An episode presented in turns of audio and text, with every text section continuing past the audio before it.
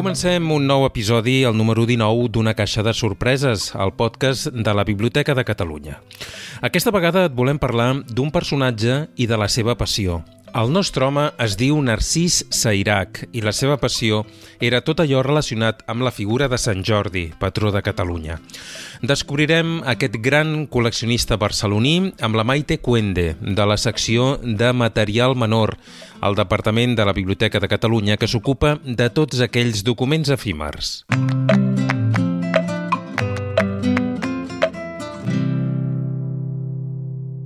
Una caixa de sorpreses, el podcast de la Biblioteca de Catalunya.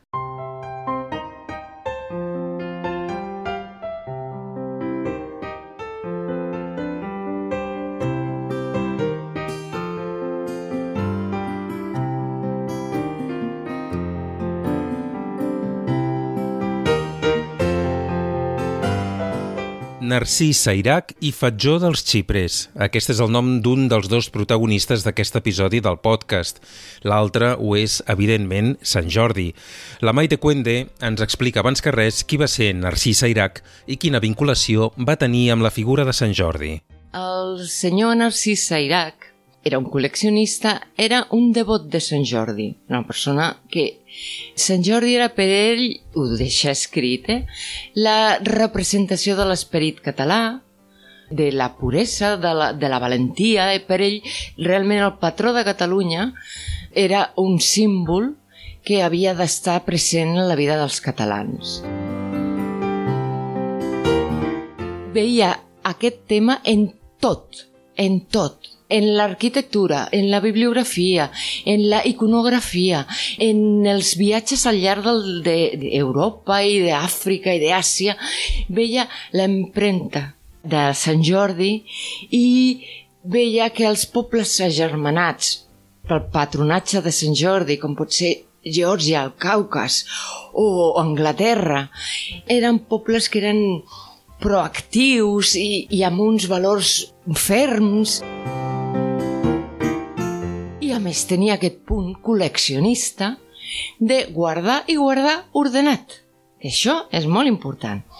Tenia uns contactes molt interessants en el món cultural català, aquesta fascinació per Sant Jordi van dur Narcís Sairac, juntament amb altres persones, a crear una associació dedicada al nostre sant patró. Va ser el primer president de l'Associació Amics de Sant Jordi, va treballar amb l'Associació Amics de Sant Jordi fins que va morir, i cada any feien activitats per Sant Jordi i publicaven versos i, i imatges icòniques de Sant Jordi.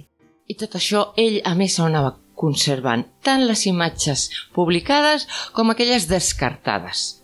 Les que s'havien pensat en algun moment donat, doncs també ho conservava, perquè tenia les ganes, el temps, la dedicació necessària per ordenar-se una col·lecció una col·lecció tremenda.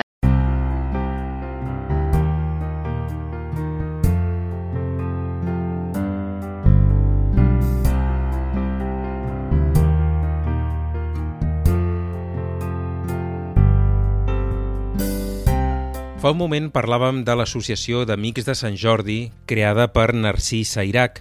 La Maite Cuende ens dona detalls d'aquesta entitat creada als anys 80 del segle XX. Era una associació sense ànim de lucre, és perquè continua existint, que intenta destacar i posar en el seu lloc la figura de Sant Jordi com a patró de Catalunya.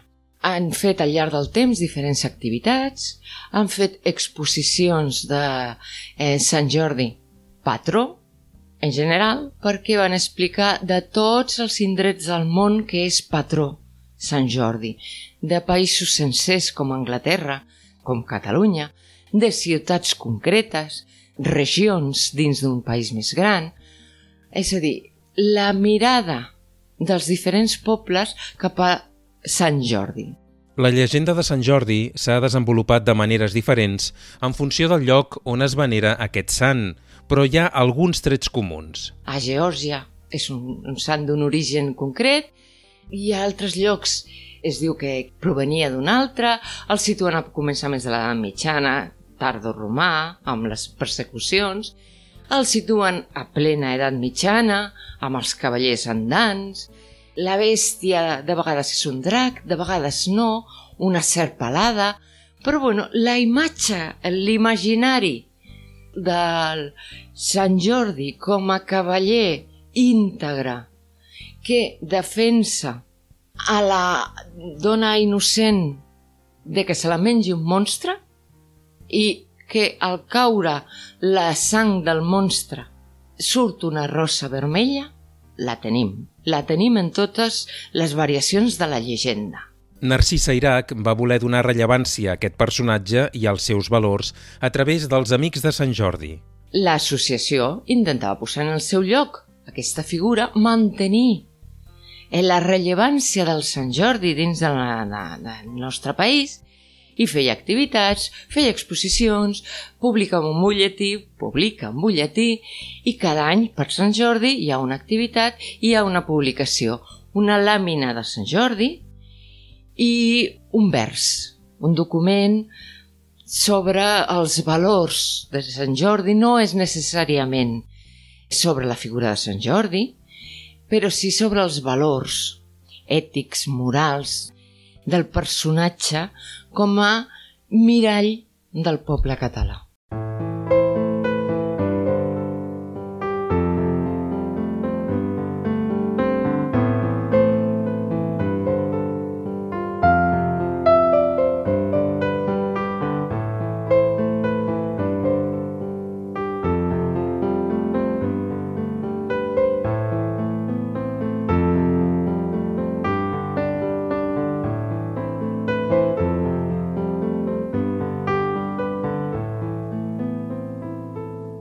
Tornem a Narcís Sairac, aquest gran col·leccionista de tot allò relacionat amb Sant Jordi, i acostem-nos una mica més a la seva vida.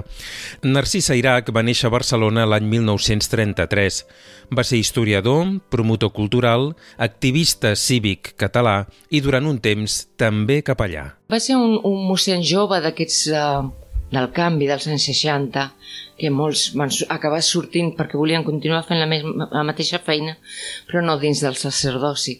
I és allò, penjar els hàbits però continuar vinculat al món de pastoral i eres d'una mm, família benestant de Barcelona, eren bastants germans i es dedicaven molt al món cultural, tenien força interessos culturals i artístics i ell es va especialitzar. Un fill de la burguesia catalana de postguerra. La fascinació i devoció per Sant Jordi la va tenir ja de ben jove. El Sant Jordi sempre va ser per ell una figura important i això es viu a la infantesa o a la primera adolescència, però sistemàticament va començar a recollir documentació des dels anys 50, finals dels 50, que ja per l'edat que ell havia de tenir en aquell moment, ja quadra amb el final de l'adolescència i començament d'aquestes grans obsessions vitals que tenim les persones, no? de quan comencem a madurar i trobem un objectiu, un objectiu que era posar en, en relleu la figura del Sant Jordi. Narcís Sairac va morir a Barcelona l'any 2016.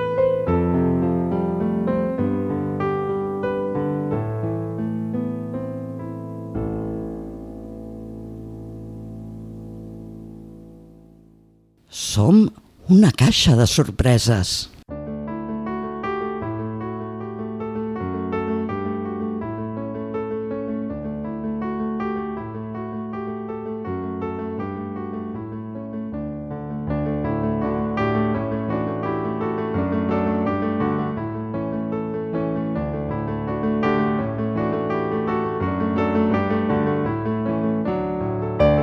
La col·lecció de Sant Jordi, Narcís Sairac, que és com es coneix el conjunt de tots aquests documents compilats per aquest col·leccionista barceloní i que conservem a la Biblioteca de Catalunya, inclou centenars i centenars de materials de tot tipus.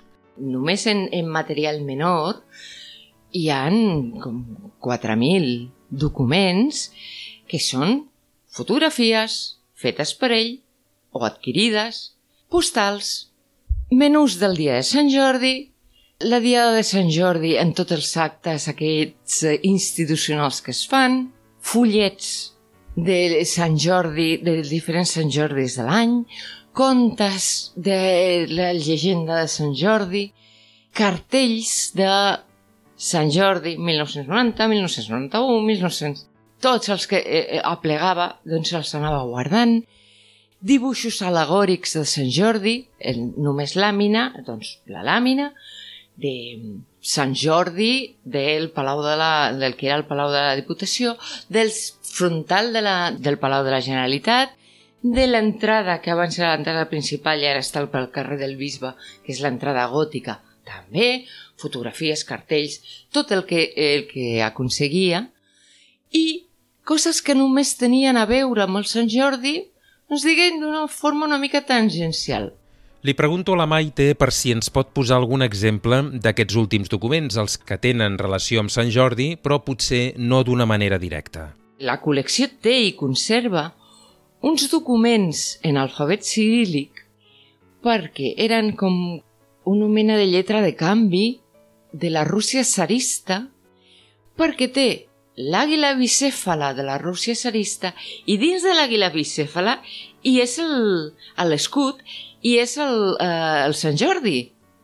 Doncs conservava tota aquella, no sé si és un, un full de pagaments i entrades i sortides, una cosa semblant, perquè en molt petit, molt petit hi havia una referència al Sant Jordi mitjançant aquesta àguila bicèfala zarista. A través de tota aquesta documentació podem descobrir la petjada de Sant Jordi a Barcelona i també a Catalunya. Va organitzar passejades per la, la, la petjada als edificis de Barcelona del Sant Jordi, la ruta del Sant Jordi a Barcelona. I la va documentar, i hi havia diferents Sant Jordis a, a façanes, és molt interessant de veure i molts que es va deixar. Era molt típic les rajoles acolorides del Sant Jordi protegeu aquesta casa i doncs tot això ho va intentar documentar i fer una ruta, visitar o deixar constància d'aquesta pervivència de l'icona de, de Sant Jordi en la vida quotidiana catalana. Com no podia ser d'una altra manera, Narcisa Irac va rebre la Creu de Sant Jordi l'any 2003.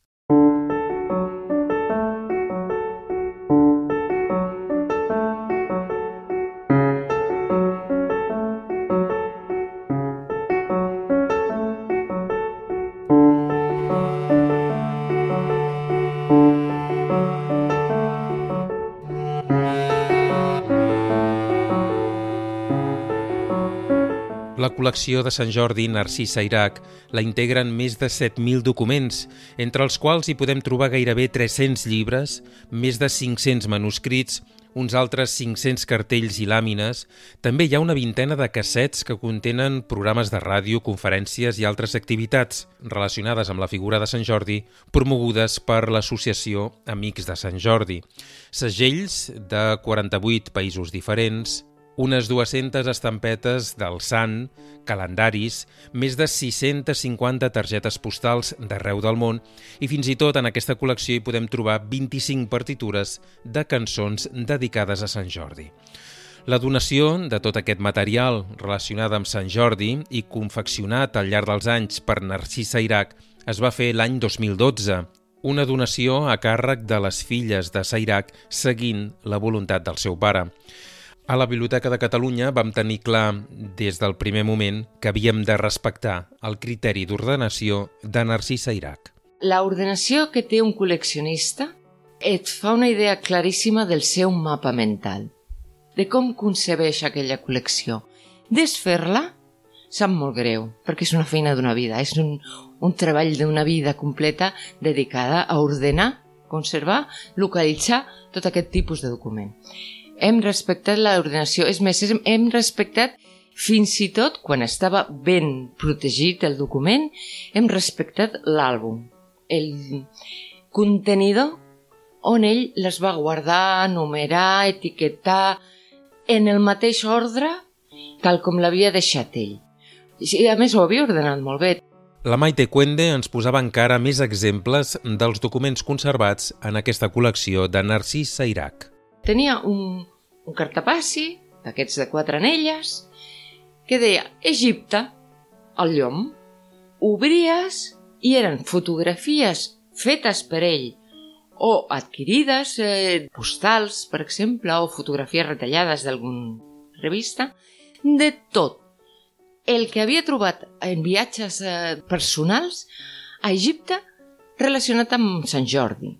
La comunitat copta d'Egipte té una gran tradició, Sant Jordi és un dels primers no màrtirs, o sigui, que la seva llegenda va més enllà de la seva forma de mort, sinó un patró inspiracional i, i els coptes el, el van tenir molt present. Llavors, ell feia fotos, qualsevol monestir, ermita, pots trobar el que ell li deia la petjada de Sant Jordi i diferents elements, la creu vermella sobre fons blanc, la llança i el drac o serp alada o qualsevol altre tipus de monstre. En mosaic, en pintura al temple, en dibuix sense color, tallada en pedra. L'ordre i la descripció curada dels diferents materials i documents són trets destacats d'aquesta col·lecció. El bon col·leccionista és obsessiu, perquè si no se li escapen coses. I ho tenia perfectament datat, ordenat, ordenat per trajecte, és a dir, si primer van parar al Caire, doncs si hi havia el fotos del Caire eren el primer, després t'explicava com anaven a l'alt Nilo, perquè trobaven la comunitat copta, perquè trobaven el monestir, es feia foto amb l'abat o el, el, el monjo responsable del monestir, feien la visita a les, a les coves d'ermites, a les, a les ermites properes, i ho deixava tot perfectament documentat.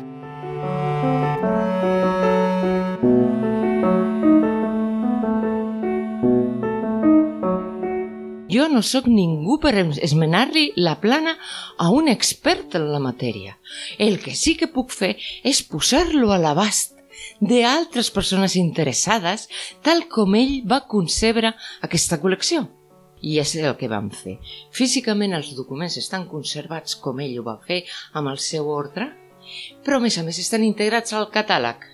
I quan en un d'aquests àlbums tenim, doncs, per exemple, Xipre, Rodes, Creta. Ho faig constar. Xipre, Rodes, Creta està en l'àlbum tal que està a la capsa conservem els àlbums i tota la documentació en unes capses gran per no dispersar la informació. Tu vols veure el fons Sairac i pràcticament està tot en nou caixes. A més d'aquestes caixes que comentava la Maite, també hi ha altres materials d'aquesta col·lecció que per les seves dimensions es conserven en un altre àmbit de la biblioteca. N'hi ha alguns que pel tipus de document com són els cartells són més delicats, tenen un autor, ja els integrem al catàleg, fent constar que estan, que existeixen en el fons Sairac, però està catalogat com un cartell signat per un autor concret.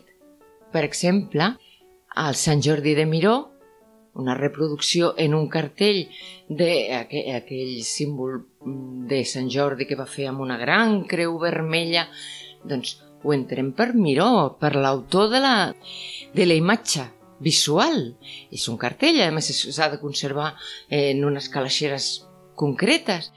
Però, a més de que està catalogat com a cartell i diem que forma part del fons Sairac, en l'ajuda de cerca del fons Sairac, dins l'apartat de cartells, dius que tens aquest cartell del miró i li dones el topogràfic que té com a cartell.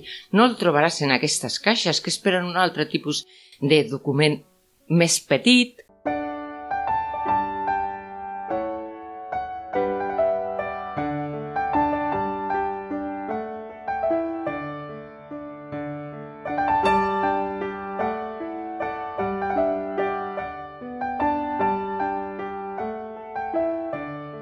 A la Biblioteca de Catalunya conservem una de les més grans col·leccions relacionades amb Sant Jordi del nostre país, la de Narcís Sairac, una col·lecció que és a l'abast de tot aquell qui vulgui descobrir aquest ric patrimoni. En aquest país hi ha grans col·leccions Sant Jordi, però la col·lecció Sairac és una d'elles. És una de les grans col·leccions Sant Jordi, està a l'abast de tot el públic, qualsevol que pugui entrar a la Biblioteca de Catalunya pot accedir a aquest fons hi ha tant tanta diversitat de suports, d'informació, com el senyor Sayac volia veure la, la repercussió ciutadana de Sant Jordi, guardava bosses de plàstic i de paper de comerços que tenien el Sant Jordi com a icona, com a imatge, com a imatge corporativa. La pastisseria Sant Jordi, tenim la bossa. És a dir, és una col·lecció molt completa perquè és molt diversa. I és molt diversa per tipus de document i per l'origen de document. Ell anava a Rússia i fotografiava tot el Sant Jordi que podia i es remuntava a l'època del Sar i es remuntava a l'època dels grans monestirs ortodoxes de Crimea i viatjava expressament per fer una ruta i ho tenim. Va fer una feinada importantíssima de conservació i nosaltres estem fent la preservació per donar-lo a conèixer, per difondre. És que aquest tipus de fons s'han de difondre, s'han d'utilitzar. No s'ha de tornar a fer la mateixa feina dues vegades. Si algú vol saber com estaven a finals dels anys 90 la imatge de Sant Jordi al llarg del, del Mediterrani, no cal que hi vagi. Ho tenim! Pot anar per veure si s'ha perdut amb les revoltes de, de la primavera islàmica, amb les revoltes d'Egipte, a veure si s'han si conservat, si no. Però no cal que faci una investigació retrospectiva perquè està aquí. Aquesta és la funció de la preservació del patrimoni. I no hi ha cosa més patrimonial a Catalunya que Sant Jordi.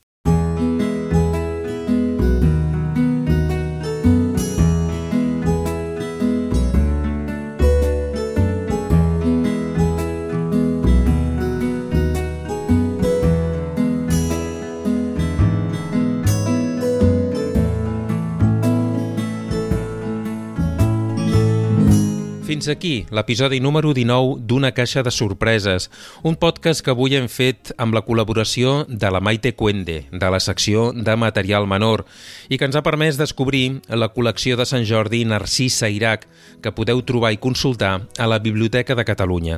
Si t'has quedat amb ganes de més, t'hem deixat uns quants enllaços sobre aquest tema a l'apartat del podcast del nostre web els trobaràs a l'adreça bnc.cat barra podcast. I si vols contactar amb nosaltres, ho pots fer a l'adreça de correu electrònic podcast arroba bnc.cat. Moltes gràcies per haver arribat fins aquí i fins al pròxim podcast.